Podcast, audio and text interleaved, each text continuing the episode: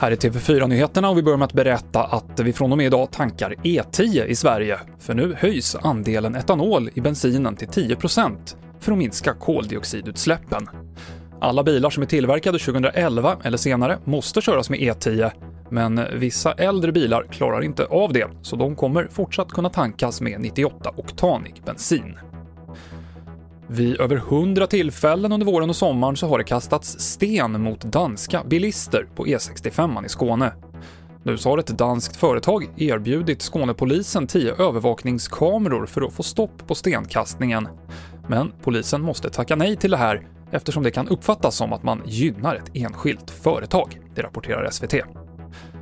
Och covid-vaccinbokningen i Lazio-regionen i Italien ligger nere efter en attack av hackare. Det handlar om en så kallad ransomware-attack där eh, systemet blir låst tills man betalar en lösensumma till hackarna. Det är samma typ av attack som drabbade Coops butiker tidigare i somras, det här rapporterar Expressen. TV4-nyheterna med Mikael Klintevall.